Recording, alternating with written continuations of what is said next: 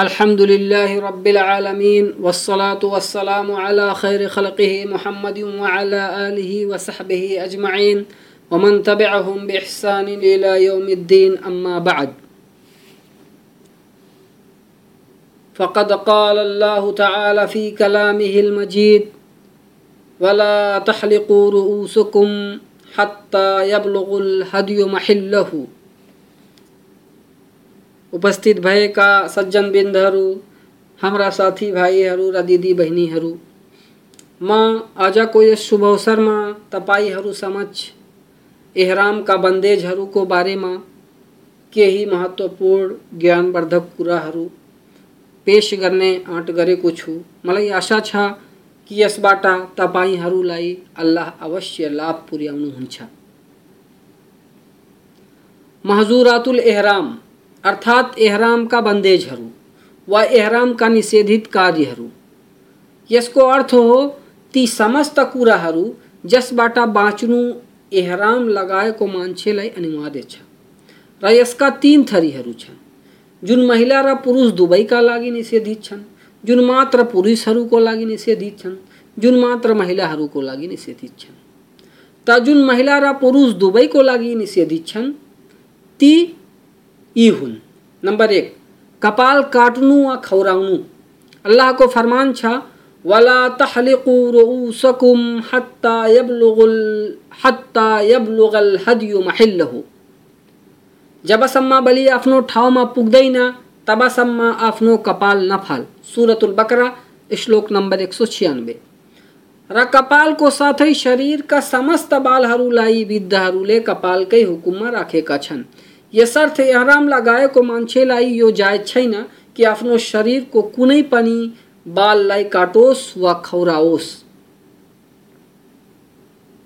र कपाललाई खौराउनु वा कटाउनुको कफारा अर्थात् जरिवाना क्षतिपूर्तिलाई अल्लाहले यसरी वर्णन गरेका छन्। फमन कान मिनकुम मरीदन औ बिही अदम मिन रअसिही फफिदियतुम मिन सियामिन औ सदकतिन औ नुसुक।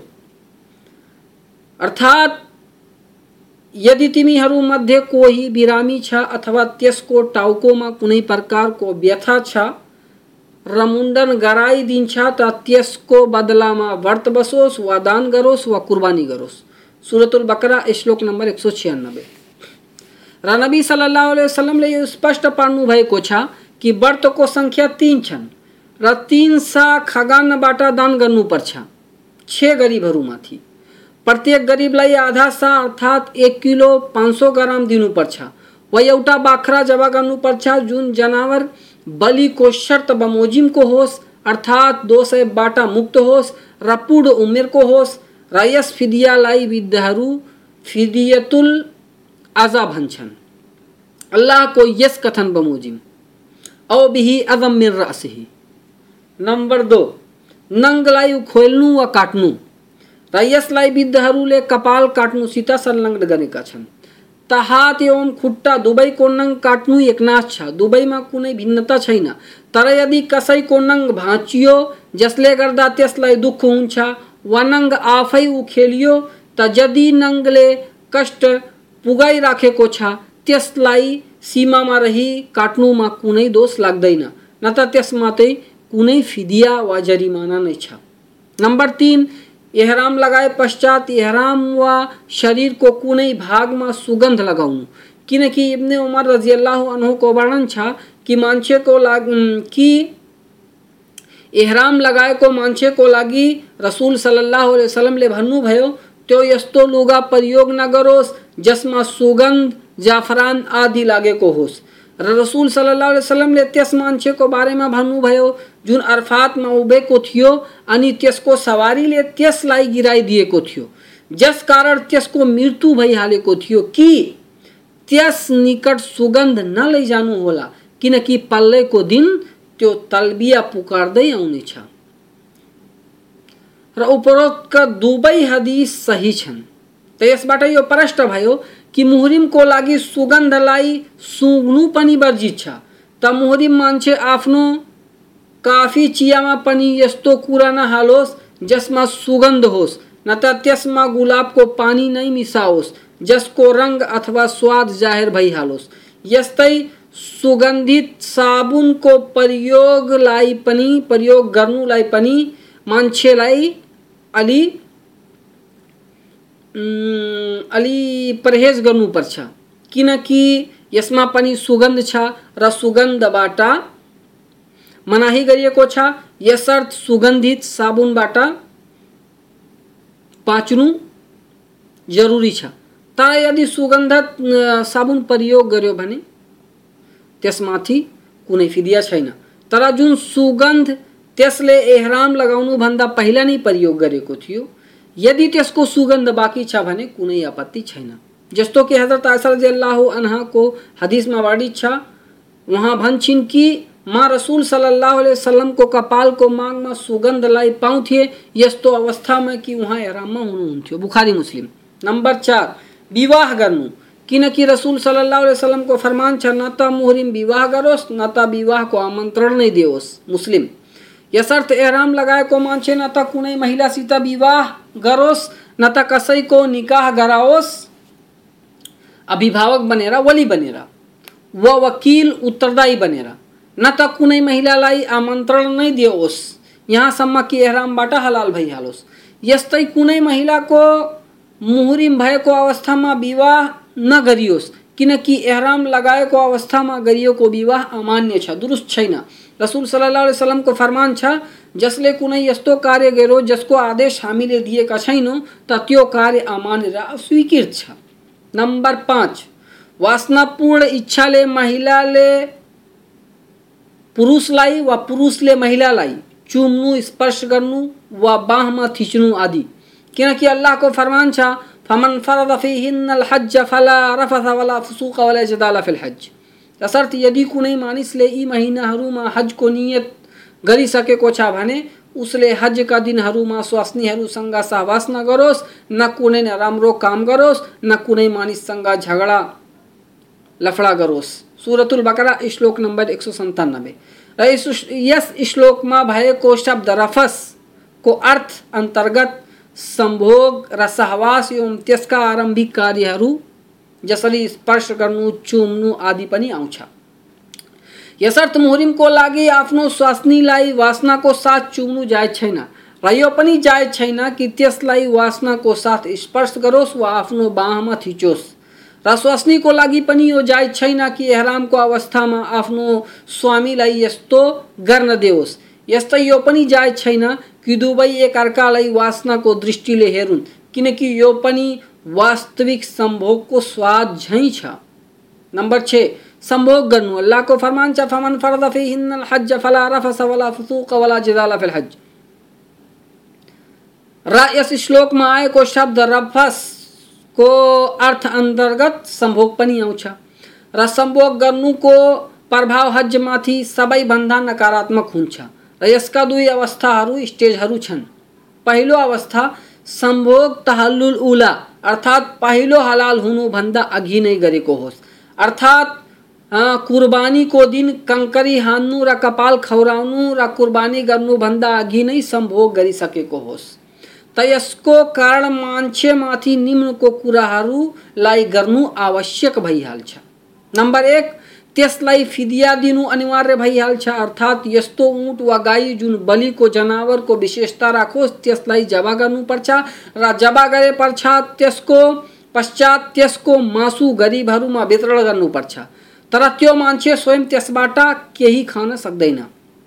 नम्बर दो, जस हजलाई गर्नुमा त्यसले यो सम्भोग गरेको छ, त्यो हज भङ्ग भयो।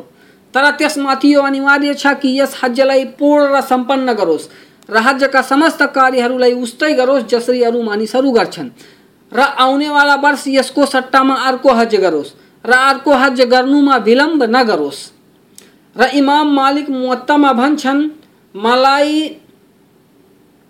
खबर मिलेको छ कि हज़रत उमर र अली एवं अबू हुरैरा रज़ी अल्लाह अनहुम अजमाइन सीता त्यस मान्छेको बारेमा सोधियो, जसले एहरामको अवस्थामा आफ्नो स्वास्नीसित सम्भोग गरिहाल्यो।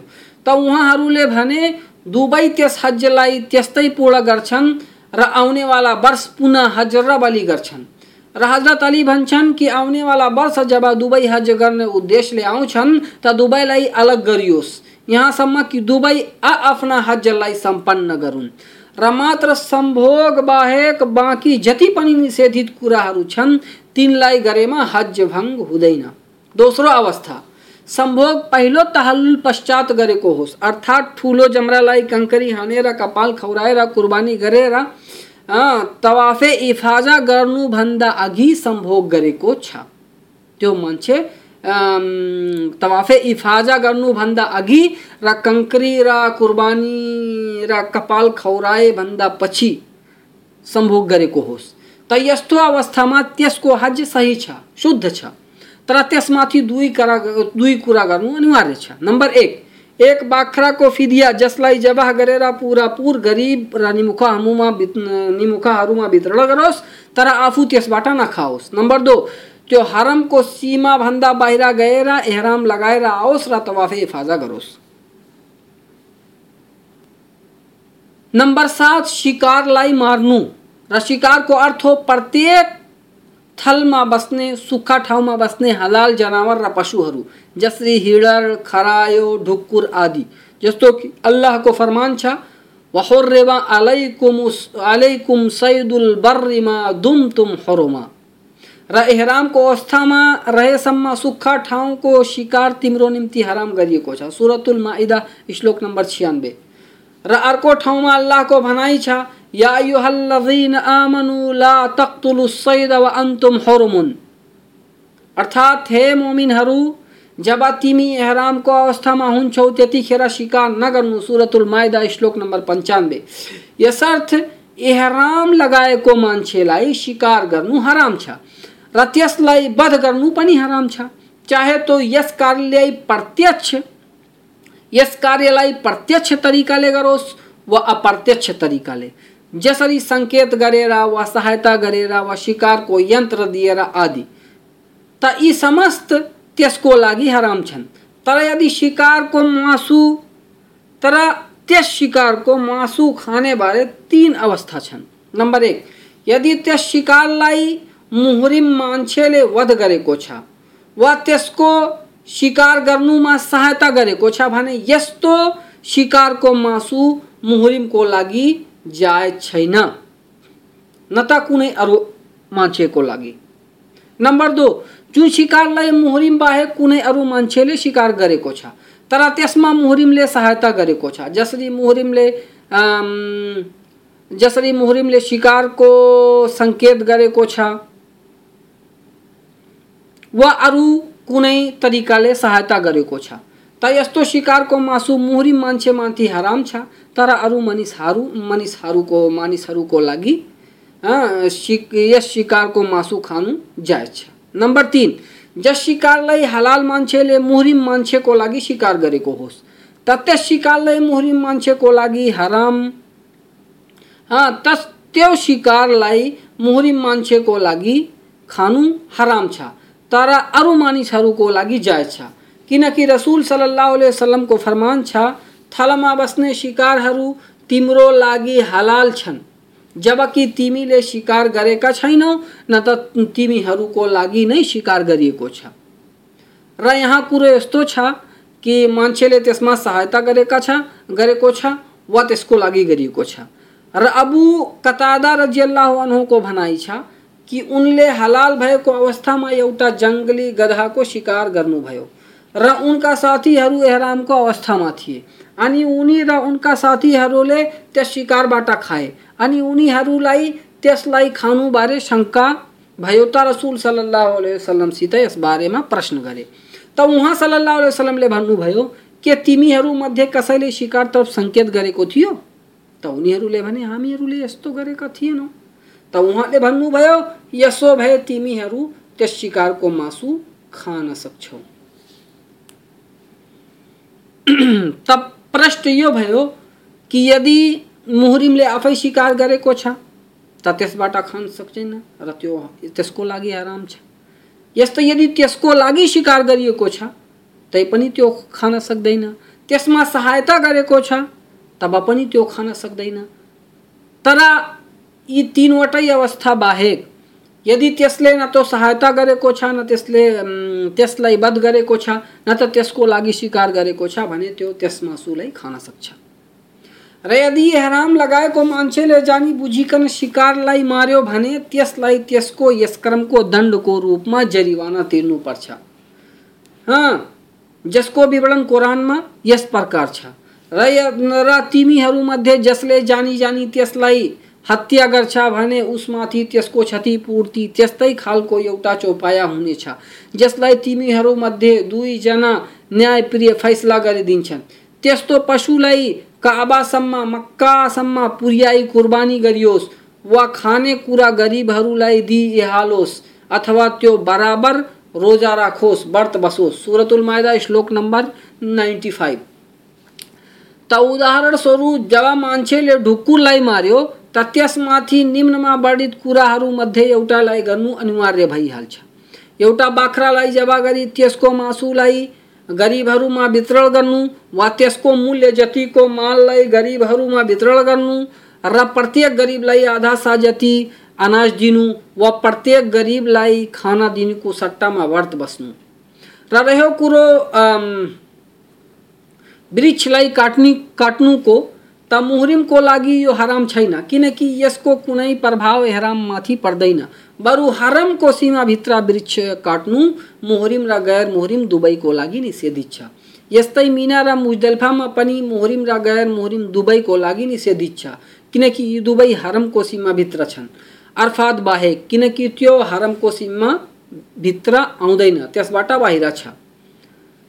त सातवटै कार्यहरू महिला र पुरुष दुवैमाथि निषेधित छन्। र दुई कुरा मात्र पुरुषहरूको लागि निषेधित छन्। जुन यी हुन्। नम्बर एक, टाउको छोप्नु।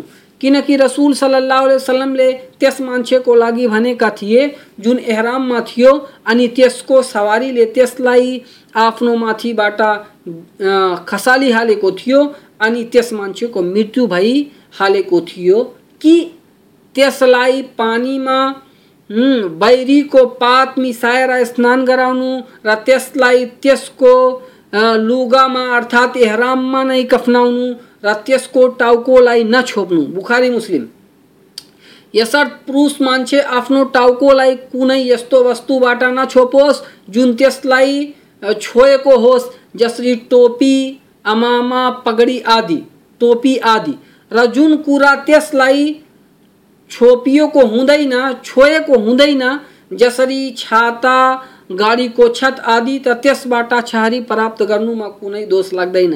किनकि उम्मे हुसैनको वर्णन छ कि हामीले रसुल सल्लाह वसलमको साथमा हज गरे। अन्तिम हजमा तब मैले उहाँ सल्लाह वसलमलाई हेरेँ कि जब उहाँ सल्लाह वसलम ठुलो जमरालाई कङ्करी हानेर आफ्नो सवारीमा फर्किराख्नु भएको थियो त उहाँ सल्लाह वसलमको साथमा बिलाल र उसामा रज़ी अल्लाह अनुमा पनि थिए। एउटा उहाँको सवारीलाई हाँकिराखेको थियो, र अर्कोले आफ्नो लुगाले उहाँको टाउकोमाथि सूर्यको तापबाट छहारी गरिराखेको थियो। यस हदिसलाई मुस्लिमले वर्णन गर्नुभएको छ। र एउटा हदिसमा छ कि उहाँलाई सूर्यको तापबाट छहारी प्रदान गर्दै रहे। यहाँसम्म कि उहाँले ठुलो जमरालाई कङ्करी हानिसक्नुभयो र मान्छे यदि आफ्नो सरसामान आफ्नो टाउकोमा बोक्दछ भने कुनै दोष छैन। किनकि त्यसको त्यसको उद्देश्य टाउकोलाई ढाक्नु होइन।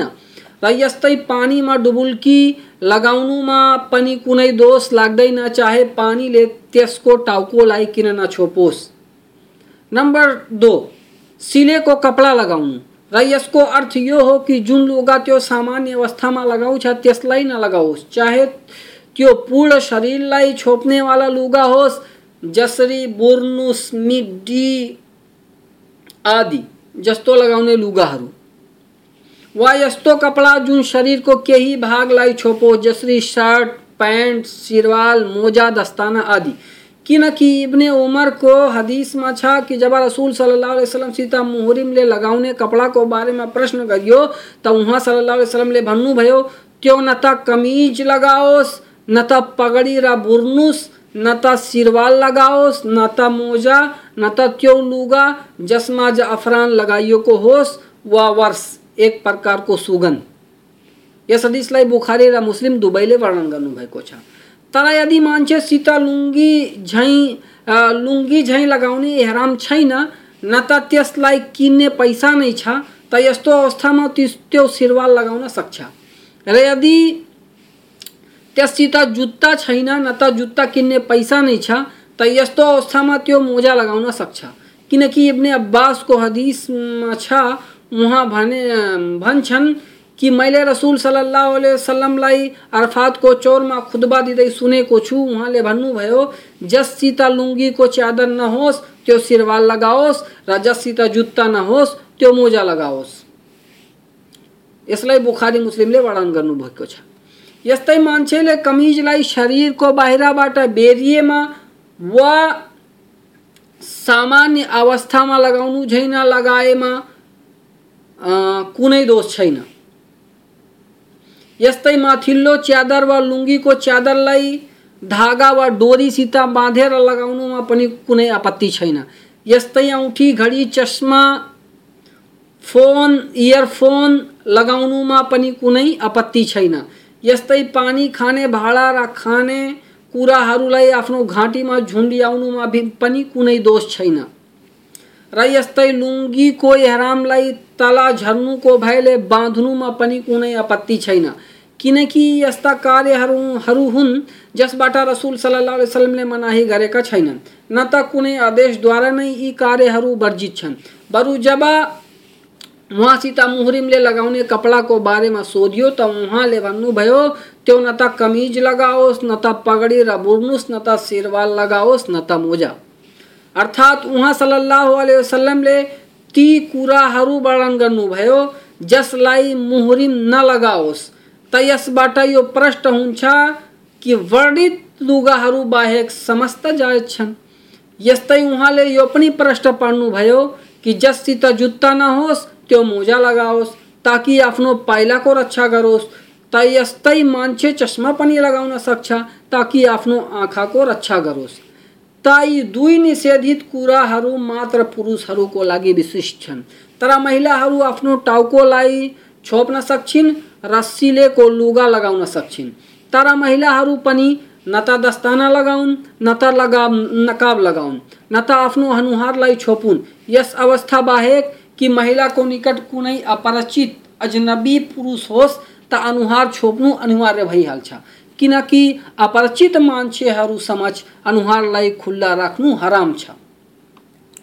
र महिला पुरुष दुवैको लागि यो जायज़ छ कि एहरामको कपडालाई फेरुन्, तर एहराम फेरे पश्चात त्यो कपडा नलगाउन् जुन एहरामको अवस्थामा जायज़ छैन। त यदि एहराम लगाएको मान्छेले यी समस्त वर्णित निषेधित कुराहरूमध्ये जसरी सम्भोग गर्नु शिकार गर्नु आदि, त यसको निषेधित त यसको यसलाई गर्नुको तीन अवस्थाहरू छन्। त्यसले त्यो निषेधित कार्य अनभिज्ञताको कारण वा बिर्सेर वा विवश भएर, बाध्य भएर गरेको होस्। भने त्यसमाथि केही छैन न त त्यसको हज नै भङ्ग हुन्छ, किनकि अल्लाहको फरमान छ रब्बना ला तो तुआखिदना इन नसीना ओ अख्ताना। हे हाम्रा प्रतिपालक, यदि हामीबाट कुनै भूल वा त्रुटि भएको भए, हामीलाई दोषी नठहराउनु होला। सुरतुल बकरा, श्लोक नम्बर दुई सौ छियासी। अर्थात् अल्लाहले आफ्ना भक्तहरूको याचनालाई वर्णन गर्दै कुरानमा यस्तो भनेका छन्। र अर्को ठाउँमा अल्लाहको फरमान छ, वलैसा अलैकुम जनाहुम फीमा अख्तातुम बिही। वलाकिनमा तअम्मदत कुलुबुकुम। अर्थात्, यस प्रसङ्गमा तिमीबाट कुनै भुल वा गल्ती भएको हुन्छ भने त्यसमा तिमीमाथि कुनै पाप छैन। किन्तु जसको सङ्कल्प तिम्रा हृदयहरूले गरिहालेका छन्, त्यसको पाप लाग्दछ। सुरतुल अहजाब, श्लोक नम्बर पाँच। र अर्को ठाउँमा अल्लाहको भनाइ छ, मन कफर बिल्लाह मिन बाद ईमानिही इल्ला मन उक्रिहा व कल्बहु मुतमइन्नुम बिल ईमान अर्थात् जुन मानिसले इमान ल्याएपछि अल्लाहसँग कुप्र गर्दछ मात्र त्यो बाहेक जसलाई बाध्य गरिन्छ र उसको हृदय इमानका साथ दृढ हुन्छ। सुरतुन्नहल श्लोक नम्बर एक सौ छ त जब बाध्य भएको मान्छेले गरेको कुफ्र नास्तिकता कुफ्र मानिँदैन, त त्यसभन्दा साना पापहरूमाथि यो हुकुम अरू सहजताले लागू हुन्छ। र उपरोक्तका श्लोकहरू समस्त पापहरूको लागि एकनाश छन्। चाहे ती एहरामका निषेधित कार्य हुन् वा कुनै अरू वर्जित कार्य। र जुन बाध्यतामा गरिएको पापको दोषलाई दोष तुल्याउँदैनन्। र एहरामको निषेधित कुराको बारेमा विशेष रूपले अल्लाहले भनेका छन्, वमन कतलहु मिनकुम मुतअम्मिदन फजजाउम मिस्लु मा कतल मिनन नअम र तिमीहरूमध्ये जसले जानी जानी त्यसलाई हत्या गर्छ भने उसमाथि त्यसको क्षतिपूर्ति त्यस्तै खालको एउटा चौपाया हुनेछ। सुरतुल माइदा श्लोक नम्बर पन्चानब्बे। त त्यसको दण्ड त्यसले जानेर वध गरेको कारण हो। त कुनै कुरालाई जानेर इच्छाको साथ गरेमा त्यसलाई दण्ड दिनु वा जरिवाना लगाउनु उचित कुरो हो। तर जब मान्छेले इच्छा नै गरेको छैन बरु त्यसलाई त्यसमा बाध गरिएको छ वा कुनै अरू कारण छ भने, त्यसमाथि न त दण्ड छ, न त दोष। र जहिले पनि बाध्यता र कारण समाप्त भयो, जसरी निदाएको मान्छे निद्राबाट जाग्यो, वा अनभिज्ञलाई ज्ञान भयो, त तुरन्तै त्यस निषेधित कुराबाट बाँच्नु, र त्यसलाई त्याग्नु जरुरी छ। तर यदि बाध्यता समाप्त भए पश्चात पनि मान्छे त्यसमा निरन्तरता देखाउँछ, अठेरी देखाउँछ, भने त्यो पापी घोषित हुन्छ। र त्यसमाथि जरिवानाको रूपमा फिदिया आदि लागू हुन्छ। र यसको उदाहरण हो कि कुनै मान्छे सुतेको अवस्थामा आफ्नो टाउकोलाई छोपोस्। त यस्तो अवस्थामा त्यसमाथि कुनै दोष छैन। जबसम्म त्यो सुतेको रहन्छ, तर जब त्यो निद्राबाट जाग्यो त अब त्यसमाथि अनिवार्य छ कि आफ्नो टाउकोलाई तुरुन्तै खुल्ला गरोस्। यदि त्यसले यस्तो गरेन भने, त्यो पापी ठहर हुन्छ र त्यसमाथि दण्ड अनिवार्य भइहाल्छ जुन इस्लामले तोकेको छ। दो, मान्छे निषेधित कुरालाई, अर्थात् दोस्रो अवस्था, मान्छे निषेधित कुरालाई आफ्नो इच्छाले कुनै कारणले गर्दा गरोस्, जुन कारण त्यसलाई जायज़ गरिदियोस्। त यस्तो गर्नाले पनि त्यो दोषी हुँदैन। तर त्यसमाथि फिदिया छ, किनकि अल्लाहको फरमान छ, वाला तहलिकु रुउसुकुम हत्ता यब्लुगल हदियु महल्लहु। जबसम्म बलि आफ्नो ठाउँमा पुग्दैन, तबसम्म आफ्नो कपाल नफाल। सुरतुल बकरा श्लोक नम्बर एक सौ छियानबे नंबर तीन, मान्छे निषेधित कुराहरूलाई अकारण जानेर गरोस्। त यस्तो गर्नाले त्यसमाथि जरिवाना पनि छ र त्यो पापी पनि हुनेछ फिदियाको आधारमा निषेधित कुराहरूका थरीहरू। पहिलो, जसमा कुनै पनि जरिवाना अर्थात् कफारा छैन, जसरी विवाह गर्नु। दोस्रो, जसको फिदिया ऊँटको बलि गर्नु हो, र त्यो हो पहिलो तहल्लुलभन्दा अघि नै सहवास गर्नु। तेस्रो जसको फिदिया त्यसै जस्तो कुरो हो। जसरी शिकारलाई मार्नु। चौथो जसको फिदिया बलि गर्नु, वा दान गर्नु, वा व्रत बस्नु हो। जसरी कि अघि नै वर्णन गरे जसले कपाल खौराउनु बारे सुगन्ध प्रयोग गर्नु बारे आदि। त यी एहरामका बन्देजहरूबारे केही संक्षिप्त लाभदायक ज्ञानहरूको वर्णन थियो। जुनमा तपाईँहरू समक्ष पेश गरिरहेका थिए। मलाई आशा छ कि अल्लाह यसबाट हामी सबैलाई लाभान्वित हुने सुअवसर प्रदान गरून् र समस्तलाई आफ्ना हजलाई पूर्णतया सम्पन्न गर्ने तौफिक प्रदान गरून्। आमीन। वाखरुद्द अवाना अनिल रब्बिल आलमीन।